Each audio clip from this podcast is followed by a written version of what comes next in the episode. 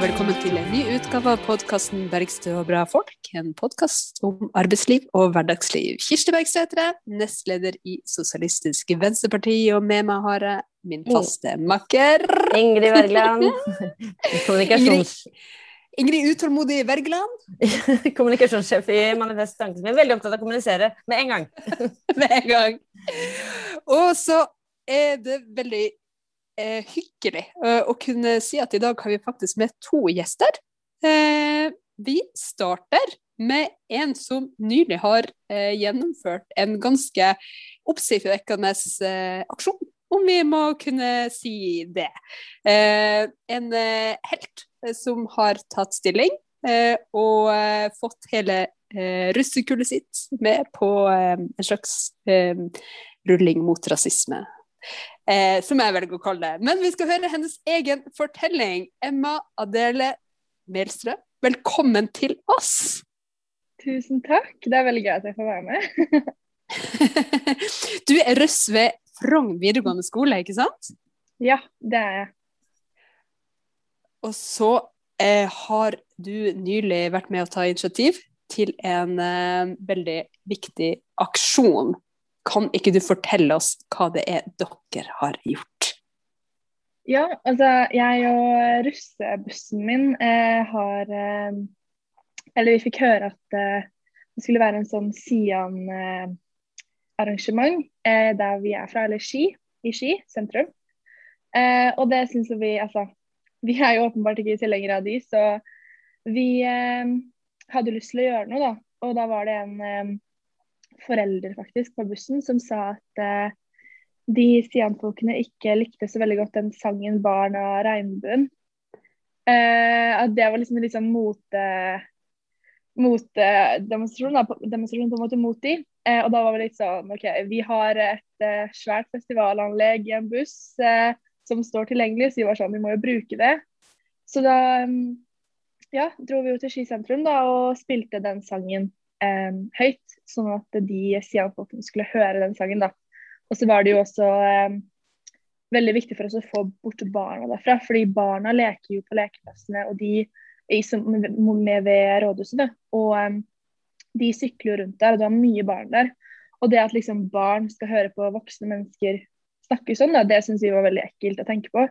Eh, så, ja, så da kom det masse barn bort til oss, og det var jo målet. Vi satte jo på oss noen sanger som vi visste at de likte. Så ja.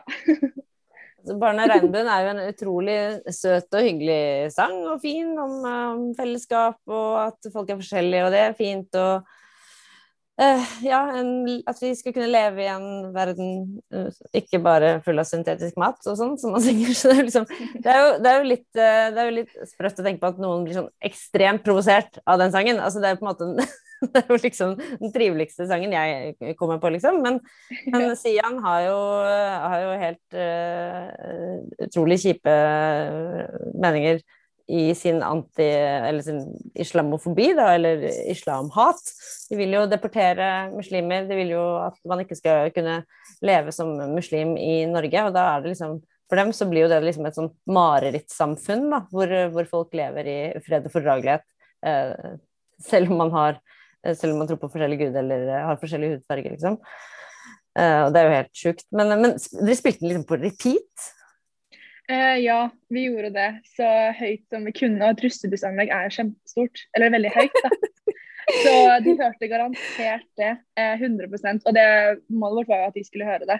Men vi, det var jo politiet og sånn der som ba oss dempe, da. Så det var ikke sånn at vi spilte i en time høyt. Det var det ikke. Men så lenge de hørte det, og det vet jeg at de gjorde, så var liksom Ja, det var det viktigste, da. Spilte dere så høyt at eh, dem som måtte ha møtt opp, eh, ikke fikk med seg hva eh, det rasistiske budskapet fra Sian var? Eh, det var det vi gjorde i starten, ja. Helt i starten. Men eh, det er liksom ikke helt lov. Eh, så politiet ba oss på en måte ja, senke det litt, da. Men vi ville jo sånn i hvert fall at vi skulle høre begge deler på en måte. At man skulle høre begge deler. Men vi ville jo overdøve dem. Og det var jo det vi gjorde helt i starten, men uh, det var jo så mye politi der, så det var jo litt vanskelig å overdøve hele demonstrasjonen, på en måte. Så ja. Litt, litt rart at barna i regnbuen blir bedt om å dempe seg, mens rasister kan stå og spy ut dritt på åpen gate. ikke det litt rart? Ja, ja. Absolutt. Og i hvert fall siden Altså, én ting er jo at eh, de skal snakke til eh, Eller på, prøve å påvirke voksne eller ungdommer og sånne ting. Men det at de får lov til å snakke sånn foran barn, det var det var så Det var det vi reagerte på, som vi snakka veldig mye om i den gruppechatten vi har også. At det, det at liksom skal, Barn skal høre det, da. og altså, bar, Voksne har veldig stor påvirkningskraft på barn, uten at de kanskje barn helt skjønner det. Og uten at voksne mulig skjønner det også. Og hat er jo bare lært. altså Alle er jo født feminister, og, alle, og ingen er født rasister. Så det at, altså Hat er jo bare lært opp. så det at liksom barn skal liksom leke og så høre sånne ting i bakgrunnen, da, de tar det jo til seg uten om de vil eller ikke. Eh, det, er jo, det, er jo, skummelt at liksom, voksne mennesker bare kan stå og snakke sånn foran barn. fordi barn er jo ikke kildekritiske. Altså, eh, hvis, eh, jeg, altså, når jeg hørte de jentene snakke, så hadde jo jeg altså Jeg var jo voksen nok til å skjønne at det ikke var helt uh, Det ikke er sånne mennesker jeg vil lære nå, da, men barn skjønner jo ikke det. Og det var jo små, liksom, ganske unge barn også. Og Det er jo også en barneskole ganske i nærheten, og de som barna som lekte der, de kom jo ned for å se hva som skjedde. ikke sant? Så det, ja, det var ganske skremmende at liksom det bare er helt greit å snakke sånn foran unge barn som ikke ja, vet hvordan å være kildekritiske. Eller de, de er ikke kildekritiske, på en måte. da. Og um, ja, Det var jo det som jeg syntes var så skummelt, og det at uh, vi vet jo at barn liker russ. ikke sant? Mm. Så vi, lot, de, vi ville jo at de skulle komme bort til oss, og det var jo det de gjorde. da De fikk jo komme inn i, inn i bussen vår hvis de ville, og sånne ting. Og de syntes det var kjempegøy, og det var jo det som var målet. da, at vi skulle få altså barna, spesielt barna bort. da, For det er jo det er, det er så forferdelig at de liksom hører voksne mennesker snakke sånn. Men, eh, men man tenker eh, altså, Nå er jeg kanskje litt fordomsfull mot russ, da, men jeg pleier å tenke at russ det er liksom ikke sånn politiske aksjoner. ja, nei, det, jeg skjønner at uh, du kan tenke det. Jeg kan tenke det. Ja. Nei, altså vi var jo um, Vi var jo veldig nervøse, både fordi at uh, ja, nervøse for det meste, at jeg får si. Og um, det kunne jo gått ganske galt. og vi var jo Men vi tenker jo at det er veldig viktig, en veldig viktig stemme å bruke. Og vi har jo vi har veldig mange følgere på Instagram, faktisk. Så vi har, um, vi har uh, over 10 000 følgere på Instagram. Altså, altså russebussen, da, Emma? Eller? Ja, min ja. russebuss, ja. Som heter? Den heter Cloud Wine. Cloud Wine, ja. ja. Så vi har jo veldig mange følgere på Instagram, så vi har jo delt en del om sånn eh, Amnesty sin Det var Amnesty har lagt ut en del om sånn psykisk helse og sånne ting. Eller nei, jo, jeg tror i hvert fall det var Amnesty. Eh, mm. Så vi har liksom delt litt sånne ting. Og vi har donert til Kreftforeningen og sånne ting. Så vi har jo gjort, eh, gjort en del sånne politiske ting før, men man hører bare om det negative, om russ. Og jeg tenker at absolutt alt er det man gjør det til selv. Hvis man vil gjøre russetiden sin til en veldig overfladisk ting, så kan man jo det. Men hvis man ikke hvis man ikke vil det, så kan man jo også det. Så ja. Så det er kanskje ikke på deres høyttaleranlegg at vi har hørt de mest eh, sexistiske russelåtene strømme ut eh, på gateplan, eller? For det er jo det er ofte en, en stor debatt. Ja, ja og den debatten jo, altså Ja, nei, altså Vi har nok ikke de verste tekstene. Det har nok vi ikke, fordi Men eh, ja, nei, russemusikk er helt forferdelig. Kjønnsdiskriminerende og alt. Så jeg skjønner, skjønner jo at folk eh, reagerer. Jeg gjør det. Men Kan ikke du si litt om, eh, om reaksjonene dere har fått da, etter at dere var, eh, etter at dere hadde denne eh, musikkaksjonen deres med Barna Regnbuen? Eh, det har vært veldig positivt. Det var jo eh, det, det, som var, var at vi eh, Eller ikke jeg, faktisk, men de andre på bussen min de eh, rulla jo den natta etterpå. Så når de våk og da sov vi jo på dagen. De kom hjem sånn klokka seks, og så sov vi jo til fire-fem på dagen. ikke sant? Fordi ja, russ pleier å sove på dagen. Um, så da vi da våkna opp, så var det jo liksom eh, så mye positivt. Um, og det var jo VG hadde jo kontakta oss, prøvd å kontakte oss, og det Østlandets Blad, som er liksom lokalavisen vår, da, hadde jo skrevet, allerede skrevet om oss uten at vi hadde, de hadde snakket med oss. Altså, det var sånn, helt sånn, Vi våkna opp til Det var ikke sånn det kom gradvis, alt kom jo plutselig, da. Og mamma fikk melding av mamma og alle familiemedlemmer og altså, altså Ja, det har vært veldig, veldig positivt. Det er jo kjempebra. Altså, den antirasistiske kampen må man jo ta med de midlene man har, da. Om det er et gigantisk lydanlegg, eller om det er å stå og banke på en gryte, som mange ofte gjør også når, det, når Sian demonstrerer. Men, eh, mm. men, eh, jeg snakket med deg tidligere i dag, og du fortalte at det var, det var en motdemonstrant til? Ja, det var det. Det var en eh, gutt som jeg vet ikke helt hvor gammel han var, men ikke absolutt ikke like gammel som oss i det hele tatt. Han gikk sikkert på barneskolen, som spilte trompet veldig høyt. og det var veldig søtt. Altså, nei, det var, det var faktisk det var, Man blir glad av å se på det. Så det var liksom dere med verdens største høyttalere og denne gutten på seks år. Eller, eller unnskyld, på, på barneskolenivå. Ja. Det var det. Med trompet. Det er nydelig. Jeg håper at alle barna i Ski sentrum fikk med seg at russ er kulere enn rasister. Uh, og jeg har bare lyst til å takke dere for å ha tatt uh, grep. Eh, for at ikke eh, det offentlige rom skulle bli forsøpla av eh, Sian sine ord alene. Og si at jeg er helt ufattelig stolt over at dere har stått for en sånn aksjon. Og jeg håper at alle som hører om den, finner mot til å stå imot når Sian skulle komme til et torg i nærheten av der de bor. Tusen, tusen takk, eh, Emma, eh, for eh, det dere har gjort. Og tusen takk for den kule gjengen som er på Wine Cloud. Har jeg lært å si det? Cloud Wine. Cloud Wine.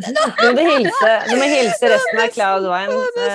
ja, det skal jeg. I kåring av beste russebuss, ja, men altså, i vår kåring av beste russebuss er dere i hvert fall vinner. en soleklar vinner. Vi digger dere. Det er kjempebra. Tusen takk.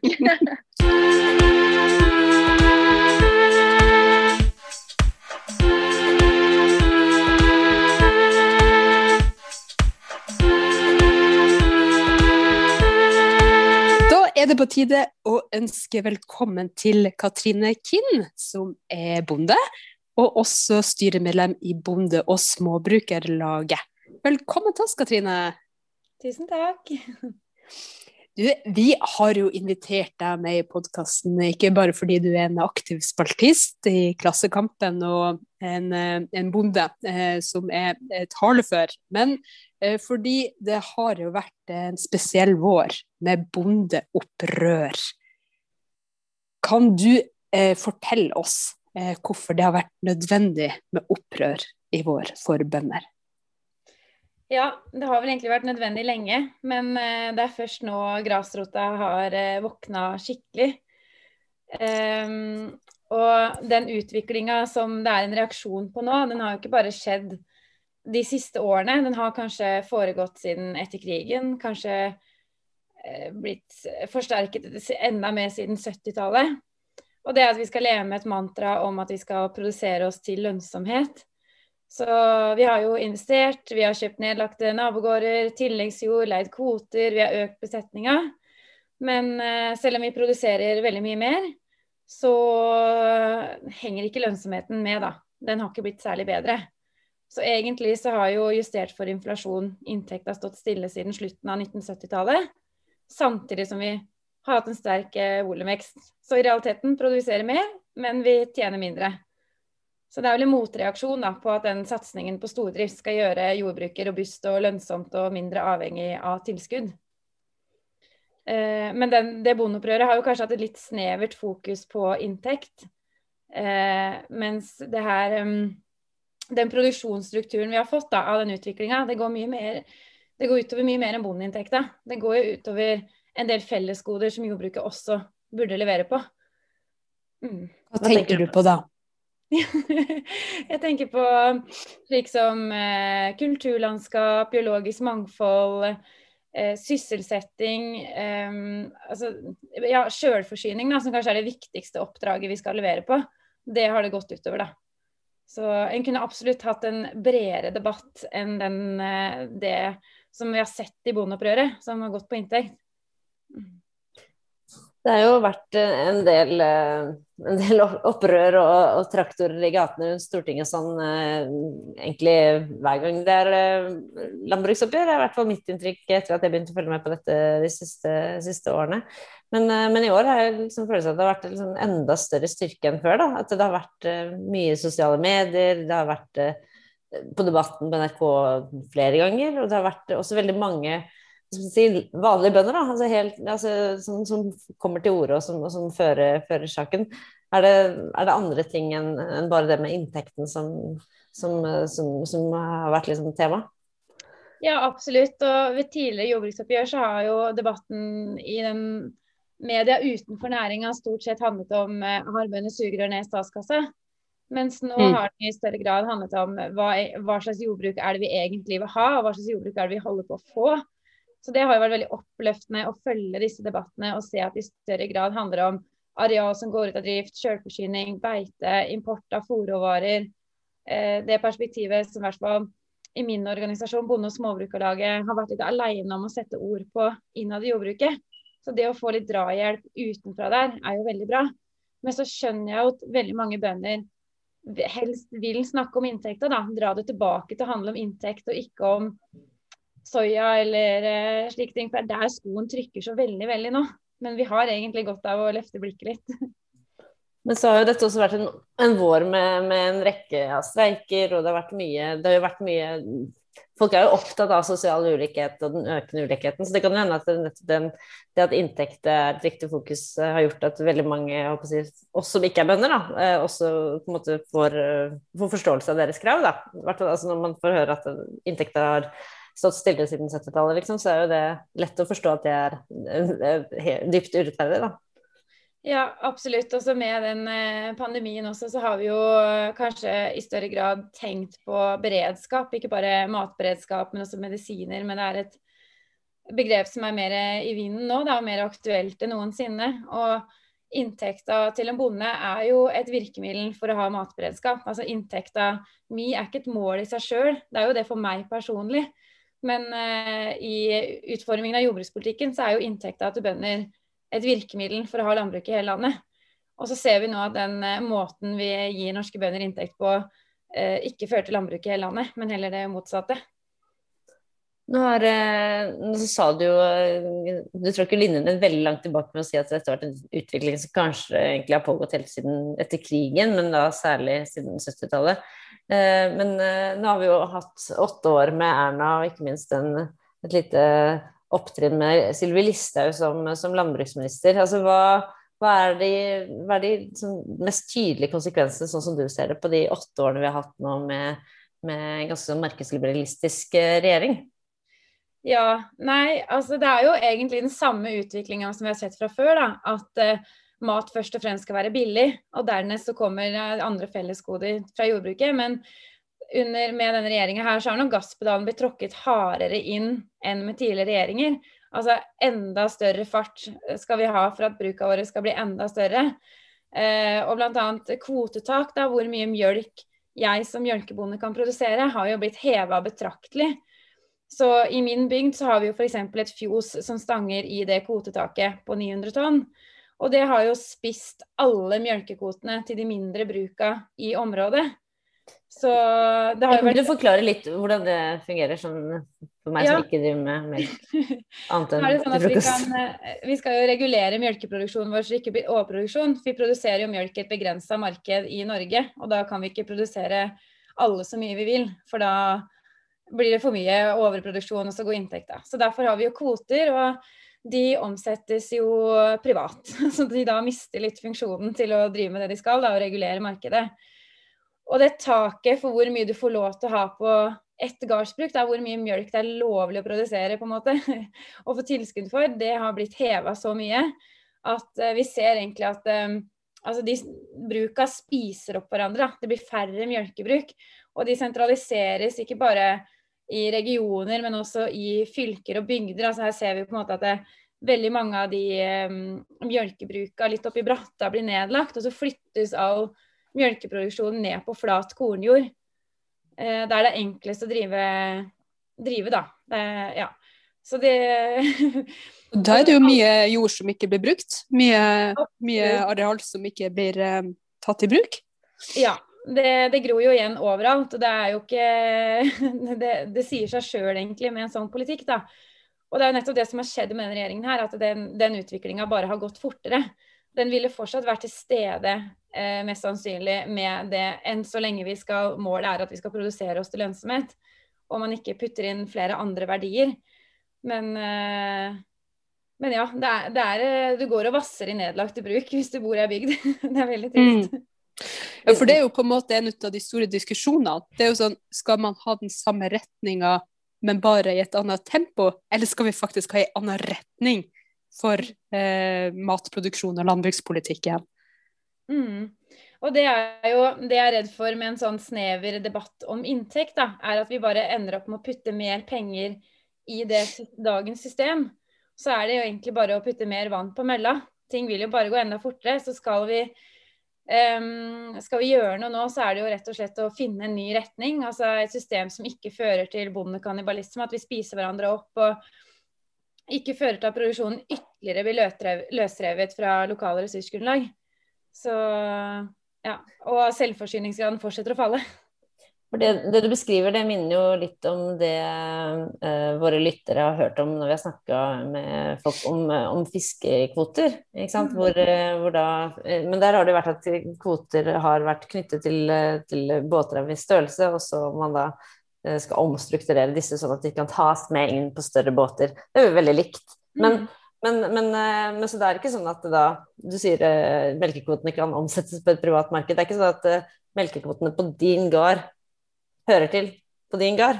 Du kan på en måte bare selge det videre da, til dette, dette gigantmelkebondestedet ja. nede i gata, liksom. Ja, det kan jeg. Jeg kan selge, jeg kan selge kvota som på min gard til en annen gard, men jeg må selge eh, altså Det er en prosent jeg må selge til staten, og den har jo variert til tider. Men eh, mesteparten av kvota kan jeg selge til et annet bruk. Og det ja, hva var det jeg fikk høre når jeg, jeg kjøpte kvota mi for to år siden, som var helt vilt at jeg klarte å få tak i. Og da sa jo noen på et ganske mye større bruk, da, som stanger i det kvotetaket, de får ikke lov til å kjøpe mer, at det, nå skal jeg, jeg, skal være glad for at de stanger i taket, Før så hadde de tatt den kvota her òg. Og da mister vi jo den bondesolidariteten. Og det, jeg skylder ikke på enkeltbønder for at mm. den har forsvunnet. Jeg skylder på liksom at vi er så pressa, og det er så dårlig økonomi, at det blir litt sånn alles kamp mot alle, og vi blir litt likegyldige til at vi spiser opp naboen, for det er den eneste måten vi overlever på.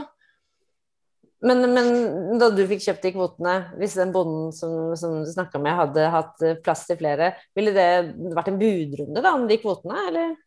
Ja, eller så altså Enten så velger man bare å selge til den personen man liker best, eller en del velger jo, vil jo ikke at kvoten skal reise ut av bygda, så de prøver å selge til igjen i bygda.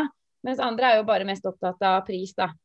Og de prisene er jo eh, regionale, da. Så jeg bor i heldigvis et område hvor såpass mange har slutta med melkeproduksjon, og det ikke finnes så mange som vil drive med det lenger, at prisene er lave. Mens andre steder er jo prisene veldig høye.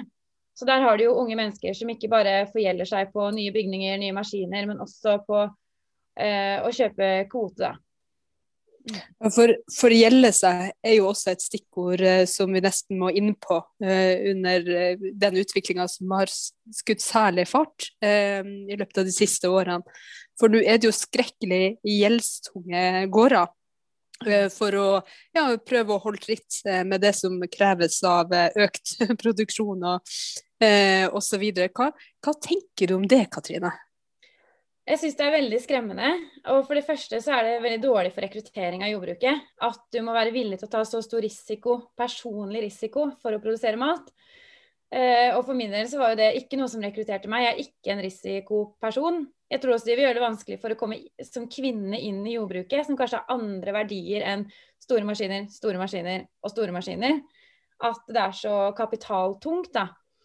Um, og det er jo, jeg syns jo det er ganske forferdelig at enkeltmennesker skal måtte ta en så stor personlig risiko for å utføre et samfunnsoppdrag. Det, det syns jeg er alvorlig. Absolutt. Mm. Ja, for hva var det som fikk deg til å ta veien inn i jordbruket? Jeg fikk vel interessen min gjennom fjellandbruket, gjennom å være budeie. Og så at det fantes andre verdier enn å pushe kua lengst mulig, eller hardest mulig, for å få mest mulig på tanken. fordi det var den eneste måten man klarte å få det til å gå rundt med de investeringene man har gjort. Men uh, møtte en litt annen type bønder med liksom fjellbonde, småbrukerfilosofi som uh, produserte mjølk og um, på utmarksressurser. Nøysomme folk investert fornuftig. Og da tenkte jeg også veldig mye kvinner, da. Veldig mye damer, eh, kvinnelige forbilder oppe på fjellet. og det var første gang jeg fikk trua på at eh, å ja, det fins kanskje et rom i norsk landbruk for meg også. Mm. Men du starta som budeier, sier du? Ja. Fortell om det. Ja, nei, det mm, ja, nei, det var bare ønsket om å komme seg ut av byen. Jeg syns jo alltid vært veldig glad i, i landbruket generelt, da. Eh, og hadde i barndommen var litt med i et mjølkebruk i en sånn bygd hvor veldig mange gårder la ned. Så jeg skrev jo veldig mange triste noveller da, på barneskolen om eh, folk som så livsverket sitt falle for neste generasjon, la det ned. Så det var nok et ønske om å oppsøke litt åssen er egentlig ståa nå som jeg har blitt mye eldre. Og tilfeldigvis handla på en støl, da. Og der skjønte jeg på det det landskapet jeg ser her, da, som er så vakkert og så fantastisk og så rikt på biologisk mangfold og fugleliv og planteliv og altså alt, det er helt avhengig av mennesket og beitedyra. Og det, det, var så fantastisk å ta del av. Det føltes viktig. Så du har ikke angra? Ikke angra. Hvor lenge er det du har vært på det? Eh, jeg er på mitt tredje driftsår. Så nå um, driver jeg akkurat nå bygger seterfjøs sammen med samboeren min. Så vi håper å ha mjølkeproduksjon på setra til garn for første gang siden 40-tallet. Så det blir veldig spennende. Men for deg er seter som hører til gården? Ja. Så den uh, har jo som Altså det er jo i min kommune har det vært flere hundre setre, men uh, da blir vi bare to eller kanskje tre seterbrukere i kommunen når vi flytter opp. Så det er jo og det er jo ingen andre enn meg sjøl som har kyr i det fjellområdet i det hele tatt. Så det er jo Alle setrene står jo detter ned, og det gror igjen, og Ja, det er tragisk. Hvor mange kuer skal du ha med deg til setra? Skal ha med meg elleve voksne, altså litt ungdyr. Så det er absolutt ikke nok til å holde alt nede av areal som burde vært det. Det er, ja, det er et landskap rundt meg som går tapt, da, rett og slett. Og et biologisk mangfold som også har blitt vernet pga. Um, de verdiene uh, seterdrifta har representert. Uh, men eh, når det ikke lønner seg å drive med seter, så kan man verne så mye man vil. Men det er jo ingen, uh, ingen, som Eller jeg skjønner at du må telle på knappene da, for å være på setra. Mm. Men eh, Katrin, du, du beskriver ditt yrke som et samfunnsoppdrag. Ehm, det eh, ligger jo ganske mange eh, politiske betingelser eh, for hvordan dere kan utføre det samfunnsoppdraget. Vi har jo vært innom flere av dem nå. Hvis du kunne vært landbruksminister for Ikke for en dag, fordi det er ikke så mye man får gjort på en dag, men for en, en regjeringsperiode. Hva, hva, hva, ville du gjort da? Hva mener du at ville vært de, de viktigste grepene for å ikke bare redusere tempoet, som vi var inne på, men faktisk snu kursen i landbrukspolitikken? Ja, jeg ville nok begynt å se på tilskuddenes rolle. Vi har jo også en del tilskudd som er litt motstridende. At vi på én side bruker penger på å få dyr ut på beite, på beiteskudd, men også penger på å gjøre kraftfôr billigere. Eh, men jeg ville se på tilskuddenes rolle ikke, også i større grad. altså Hvilken rolle skal de ha, og hvilken rolle skal pris ha? Um, og jeg ville nok uh, jobba for at pris til bonden bør spille en viktigere rolle for uh, inntekta enn det gjør i dagens system. Og de som driver stordrift da, og har mulighet til å drive stort, de burde hente ut mer i markedet. Mens de som driver mindre i mer marginale områder, altså Vestlandet, steder i Nord-Norge, fjellbygder, de burde få mer målretta tilskudd. Her har jo Sveits og Østerrike helt fantastisk mange eksempler på hvordan man kan eh, målrette tilskudd til marginale fjellområder. Eh, og hvis ikke noe skjer her, da, på f.eks. fjellavbruket, så frykter jeg jo at det, det er nesten borte snart. Eh, for mm. her er så mye av jorda ute av permanent drift. Så det å um, Volum det burde belønnes mer i markedet, men også kvalitet. At en kan på en måte ha en, eh, en pris for industri og en pris for liksom et nisjemarked, enn at jeg som, hvis jeg skal selge lokalmat, må møte bonden med markedet alene hele tiden. Eh, for det er veldig mange små bønder som eneste måten vi kan overleve på, det er å produsere en annen kvalitet fordi vi ikke kan produsere like mye som de andre. Og så flytte tilskudd fra kilo og liter du produserer, og over på å drive jorda di. Fordi størrelsen på planteproduksjonen det er det som er avgjørende for hvor selvforsynte vi er som land. Så det Ja. Kort oppsummert. Hmm. Ta i bruk de lokale, eh, lokale jord istedenfor import. Mm. Men, eh, eh, men eh, bønder er, har jo kooperativer, sterke kooperativer som skal sørge for at man kan drive eh, landbruk over hele landet. Mm. Hvordan virker det inn? Ja, jeg er jo veldig glad for at vi har samvirke. Leverer jo sjøl til samvirke. Eh, og samvirkene har jo den vanskelige utfordringen at de er tvunget til å drive slakteri der ingen kommersielle aktører vil etablere seg, for det er kanskje ikke lønnsomt. Så jeg har jo en litt større utfordring enn de kommersielle aktørene som kan etablere seg der det, bare der det er mest lønnsomt, da. Men det er selvfølgelig utfordringer når et samvirke har blitt nasjonalt. Hadde det vært et uh, samvirke f.eks. For, for fjellbygdene på Østlandet, så kunne jo de fremmet kvalitetene ved maten vi produserer her. Mens et nasjonalt samvirke må jo ivareta interessene til uh, bonden på flatbygdene, på bonden i fjellbygdene, Vestlandet. Altså De må ivareta så mange interesser, og de klarer ikke å ivareta så mange ulike interesser i et land som ser så ulikt ut som i Norge. Og vi har så utrolig forskjellige forutsetninger for å produsere mat. Altså I Rogaland så har de lamming flere måneder tidligere enn det jeg har lamming oppe i en fjellbygd. Og derfor slakting veldig mye tidligere. Så det er på en måte, det er, det er så ulikt, da. Så det er, no, det er, en utfordring da, med nasjonale samvirker. Er det en diskusjon eh, å få mer regional struktur på de nasjonale samvirkene? Det er nok en diskusjon som går i enkelte miljøer, men eh, også som inntekta behandles i jordbruket, så behandles samvirkene ofte som mål i seg sjøl. Og så glemmer man å snakke om de som et virkemiddel.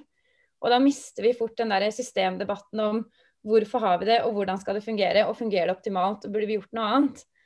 Så det er fort gjort at hvis en er litt kritisk til samvirket, kan bli sett på som sånn samvirkeskeptiker. Og det er veldig upopulært i jordbruket da. Men jeg syns i hvert fall det har blitt litt mer rom for å diskutere samvirkets rolle eh, nå enn jeg begynte med jordbrukspolitikk. Samtidig som eh, veldig mye av eh, man, er, man er jo også redd for å på en måte være kritisk til egne samvirker, fordi da kommer det plutselig noen politikere som vil at samvirkene og markedsreguleringa bare skal kastes på sjøen. Så Mm. Derfor blir man jo litt oppe på barrikadene for å forsvare det også, og er redd for konsekvensen av å ja, noe annet. Det blir ikke helt sånn rom for den gode diskusjonen. Det hadde jo vært umulig å drive melkeproduksjon i Bekkafjorden hvis ikke Tine var pålagt å hente melka der, Absolutt. for eksempel. Ja. Men eh, det er en veldig interessant diskusjon, det med regionalisering, eller hvordan man i større grad kan, eh, eh, kan ivareta det spesifikke eh, fellesskapet som hvert område trengs. Mm. Du sitter jo i styret til Bonde- og småbrukarlaget. Og så finnes Bondelaget. Kan ikke du forklare lytterne våre forskjellen på, på, på hvor dere står? Hva, hvorfor, hvorfor er det to bondeorganisasjoner i Norge?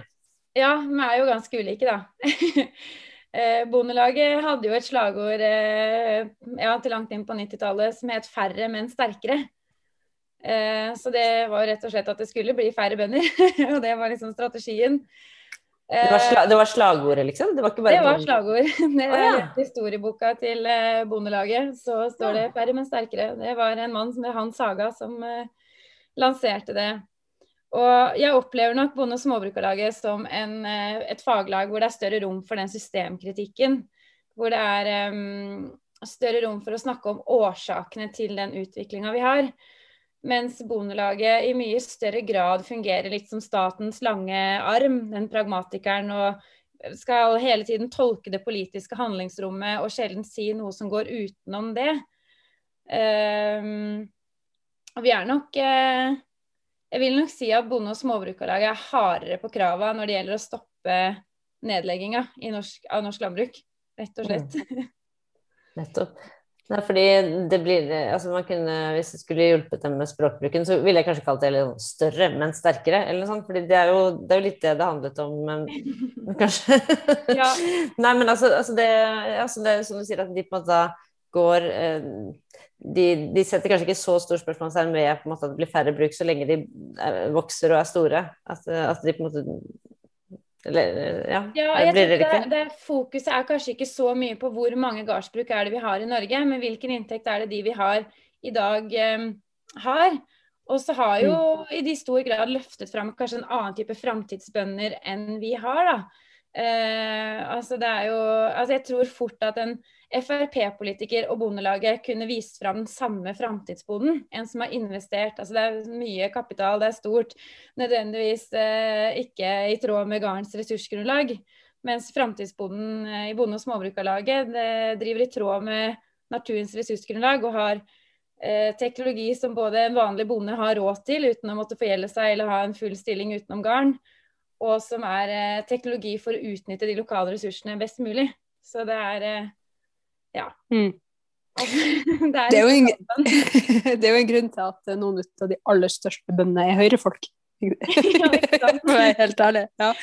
Og det er nok eh, mange av de aller største som ikke er organisert også, fordi de ser at er, de, de, har ikke, de, har ikke, plass noen steder.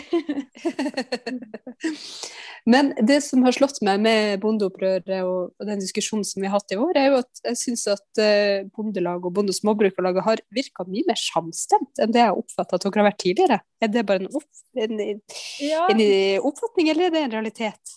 Jeg tror det er bare en oppfatning, for vi har jo krangla som busta fyker utad. Så det har vel eh, kommet litt fram at det har eh, vært eh, en del avstand under eh, utviklinga. Fordi når vi eh, Når jordbruket skal forhandle med staten, så har jo Bonde- og småbrukarlaget et krav, og Bondelaget et krav. Og så møtes vi og lager et felles krav. Og I forkant av den eh, diskusjonen så er det en diskusjon om hva ramma skal være. Hvor mye skal vi kreve mm. i år? Og så går man tilbake og lager hvert sitt krav, og så møtes man og diskuterer prioriteringer. da. Og i år så er det vel eh, første gang som jeg har hørt om kommet i, vis, i stor grad fram i både landbruksmedia og annen media at det har vært stor avstand under forhandlingene mellom jordbruket. Og kanskje også større avstand mellom de to faglagene enn det var med det ene faglaget og staten.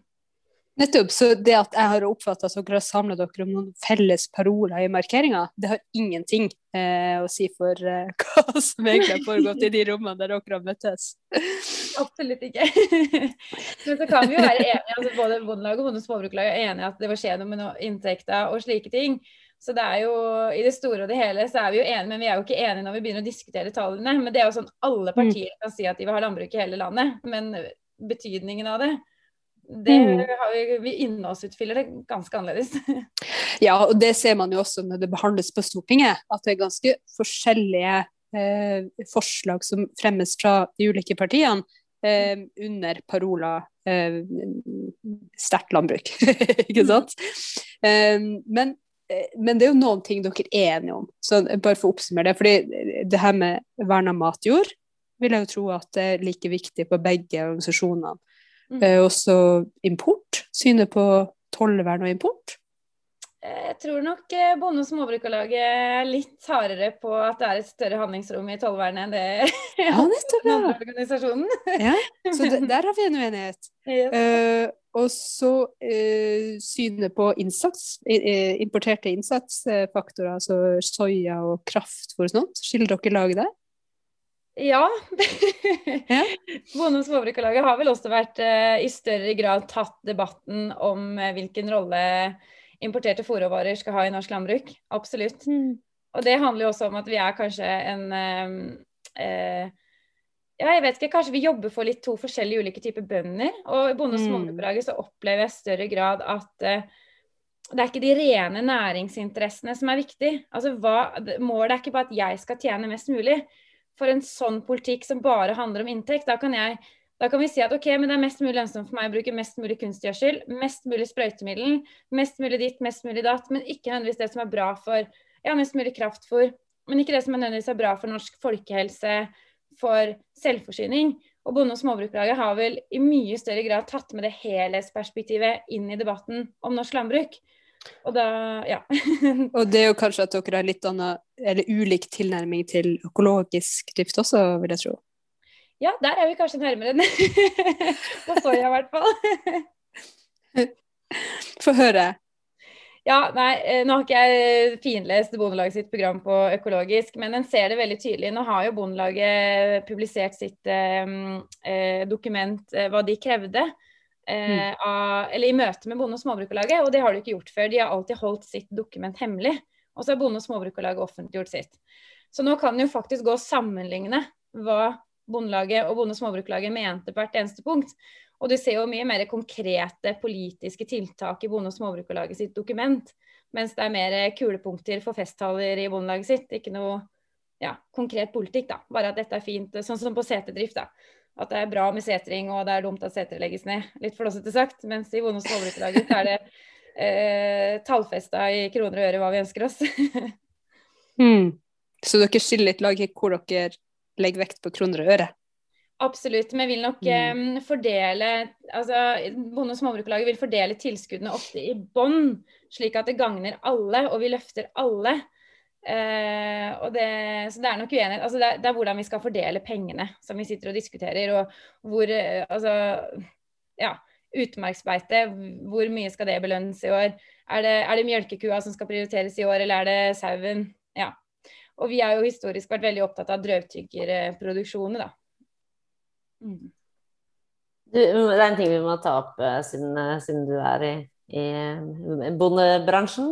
Uh, det har jo vært en, en, skikkelig stygg avsløring på en NRK-dokumentar for noen uker siden om svineoppdrett.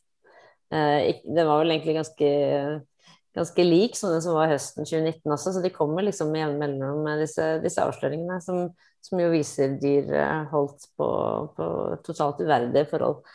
Eh, hva er, hva er, det som, som gjør at det, vi får disse historiene? Hvorfor, uh, utenom at det er gode journalister, da, men altså, hvorfor, hvorfor, oppstår situasjonen, da? Ja, altså det er jo helt sikkert noen råtne egg, og så er det en del eh, av dette som er en ja, blitt Altså det er, det er et problem med systemet vårt, rett og slett. Um, og det er jo det disse avsløringene burde føre til, en systemdebatt om dagens matproduksjon. Altså hvordan vil vi at den skal se ut, og hvilken pris betaler bonde og dyr for billigst mulig mat. Um, og, og, selv om altså, i dagens landbruk så har enkeltpersoner fått ansvar for veldig mange dyr. Et stort dyretall, og det er dårlig økonomi i tillegg. Og det kan fort føre til at det, eh, dyrevelferden ikke er på topp. Altså folk er pressa økonomisk til marginene. Og men jeg tenker jo likevel at selv om en grisebonde i dag har alt på stell formelt, så er det nok flere og flere i vår tid som vil ha problemer med å spise dyr som aldri har sett sol, f.eks. Og så klarer vi likevel å overvinne den kognitive dissonansen når vi står med skinkepakka i hånda på butikken. Eh, og bonden, grisebonden eller andre bønder må gjerne argumentere med rene næringsargumenter om økonomi gjør, gjør, at vi må gjøre sånn, og vi har ikke råd til noe annet, og derfor vi har denne produksjonsmåten. Men jeg tror ikke det kommer til å utligne det ønsket fra forbrukeren som stadig blir sterkere om at uh, dyr skal leve et liv i, i pakt med sine instinkter. At uh, grisen skal leve med roting i jord og knasking av røtter. Men uh, jeg tror rett og slett bønder er så trua fra så mange kanter at denne diskusjonen blir fort en et angrep mot hverandre. Det er aktivistene fra den ene siden, og så har du bøndene som er sure for innbrudd på den andre, og så mister vi systemdebatten. Og det er jo fordi, jeg tenker jeg da, Min analyse er at bønder føler seg trua av klimakutt, avgiftsøkninger, frihandel, nye krav om dyrevelferd, eh, svekka markedsregulering. At vi så innmari fort kaster oss opp på barrikadene for å forsvare oss sjøl med alle piggene ute. Og så burde vi kanskje stoppe opp litt innimellom og tillate en debatt om hva slags forhold vi vil ha, hva slags forhold vi vil ha for dyrene våre, og hvordan vi vil tjene penger. Og det er en diskusjon som går hånd i hånd med en forbrukerdebatt om hvordan matproduksjon vi burde ha. Ja, fordi det, Dette med pris kommer jo opp veldig ofte når, når dette er en diskusjon. ikke sant? At eh, ja, bonden er pressa, det er så krav om billig mat osv. Men dette, dette, er kanskje litt naivt av meg å si, da, men, men, men er det liksom altså Når man går i butikken, så, så, så, er det på en måte ting Prisen har, holdt jeg på å si. Altså, jeg vet ikke, altså, det er liksom det der prispresset. Altså, jeg som forbruker eh, jeg kjøper eh, Altså, jeg kjøper ofte det billigste. Jeg skal ikke, skal ikke nekte for det, jeg er da bare et menneske, jeg òg. Men, eh, men, men, det er liksom Hvis, hvis en pakke med, med skinke hadde kosta 20 kroner eller 25 kroner altså liksom noe Jeg har jo ikke måte noen makt og innflytelse på det så det det går jo inn i en sånn helt annen systemdiskusjon, som jo handler om liksom de store kjedene, matkjedenes makt og deres liksom, kamp for å presse ned priser osv. Det er jo ikke liksom eh, det, det, kastes ofte til, til forbrukeren. Sånn der, ja, forbrukeren krever jo det billigste, billigste Altså de, de, skal ha billig ribbe, liksom. Mm. Jeg vet ikke om du skjønner hva jeg mener? Ja, jeg skjønner hva du mener, ja. men jeg tror nok det er en mentalitet i Norge, og det er den jeg snakker om at dette denne utviklingen av norsk jordbruk har kanskje kommet siden etter krigen. For etter når vi skulle bygge landet, så skulle vi ha eh, bolig til alle, vi skulle ha arbeid til alle og mat til alle. Så mat ble sett på noe som bare skulle inn i bulkproduksjon. Altså det skulle bli industri, og alle skulle ha råd til. Og siden det så har det festa seg så veldig hos oss at mat skal være billig. Mens i andre land så har det jo bygget mer opp under liksom Mat er identitet, mat er kultur, altså mat er lokalt, sånn som i Frankrike. Så de bare av den og den kurasen i den og den området. Mens i Norge så på en måte skulle alt inn i store meierier. Alt skulle bli til den samme gulosten, for det skulle være billig mat til folk. Så det har nok ikke altså Selvfølgelig så burde man absolutt ha en debatt om de store dagligvarekjedene, og den ønsker jeg veldig velkommen. Men det er også en sånn veldig sånn norsk mentalitet da, at mat skal være billig. Og eh, vi har ikke det hadde vært veldig fint for oss som driver mindre gardsbruk, om vi kunne hatt en differensiering. At du har volumprodusenter som produserer volum, og så kan jeg tjene på å produsere kanskje en vare som er en helt annen, fordi det er dyr som kommer rett fra utmarka, eller mjølk produsert på setebeite. Uh, ja, som vi finner i mye større grad i andre land, da, som, som i Frankrike, i Sveits, Østerrike. Ja, gode mm. matland, rett og slett. Mm. Mm. Ja, det finnes jo noen sånne eksempler på sånne ja, Bondens marked og hva de nå heter. Sånn liksom Rio Ring, Ring altså. Ja. ja. Det, det, som er minuset med det, er jo Jeg driver jo litt med lokalmat sjøl, men det er jo at jeg må møte markedet alene.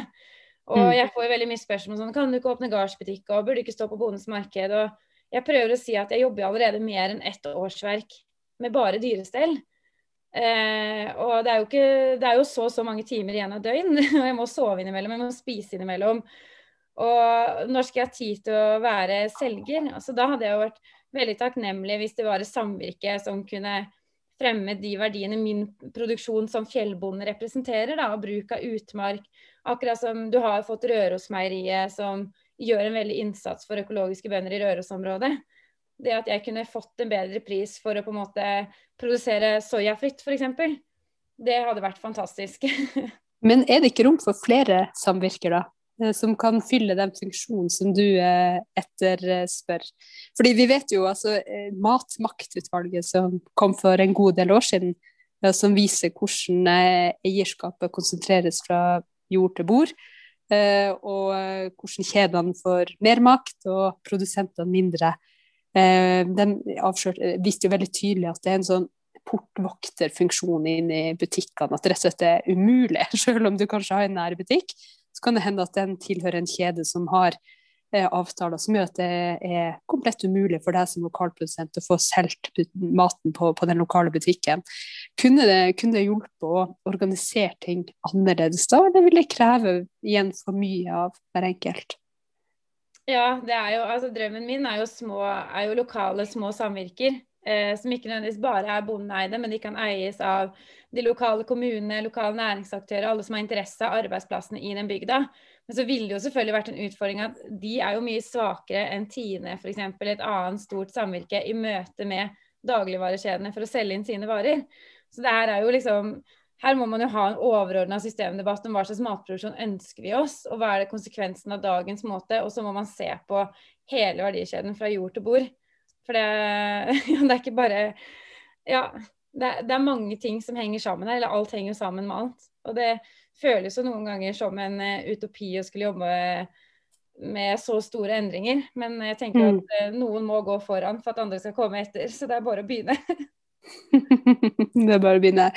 Og apropos begynne, eh, vi begynner jo alle en plass. Eh, eh, enten man er bonde eller sosialarbeider eller sosiolog. Eh, vi har et par spørsmål eh, i denne podkasten. Det er hva din første jobb var. Ditt aller Ja. første jobb. Ja, det, jeg drømte veldig om ponni da jeg var liten, så jeg jobba på stall for å få råd til ponni. Og der var det heldigvis noen kuer, så jeg ble hekta. Mm. For kuer på stallen heter det ikke fjøs da? Jo, men nei, hadde, hun skulle teste litt da, om det var lønnsomt å drive med 15 eh, kyr. Så um, hun hadde 15 kyr som gikk med kalvene sine, så det Ja. Liker ku og hest å gå sammen? Det kommer nok helt an på hesten og kua. Ja, det gjør det, ja. Ja, de har jo personlighet, de òg. Hvis de ikke er vant til det, så tror jeg de Ja, min, jeg hadde ponni, og den var livredd for kyr. Så det Så du fikk deg ponni, altså? fikk meg ponni. ja. Ah, så første jobben, det var med eh, dyr? Det var med dyr. Mm. Og der eh, fortsatte det.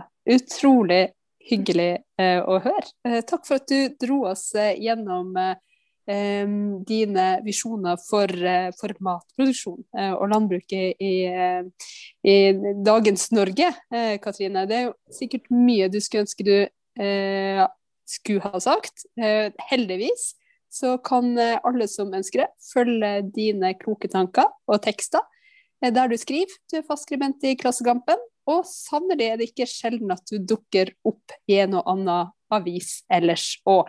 Så selv om døgnet har få timer, og du jobber står på, så er jeg veldig glad for at du eh, eh, også finner rom eh, for å ta del i den offentlige debatten. Og ta del i vår podkast. Takk, takk. Så takk til deg. Takk til deg som hørte på. Eh, vi håper du vil eh, spise lokalprodusert mat, og støtte opp under eh, ei god fremtid for norsk jordbruk. Ha en fin dag videre.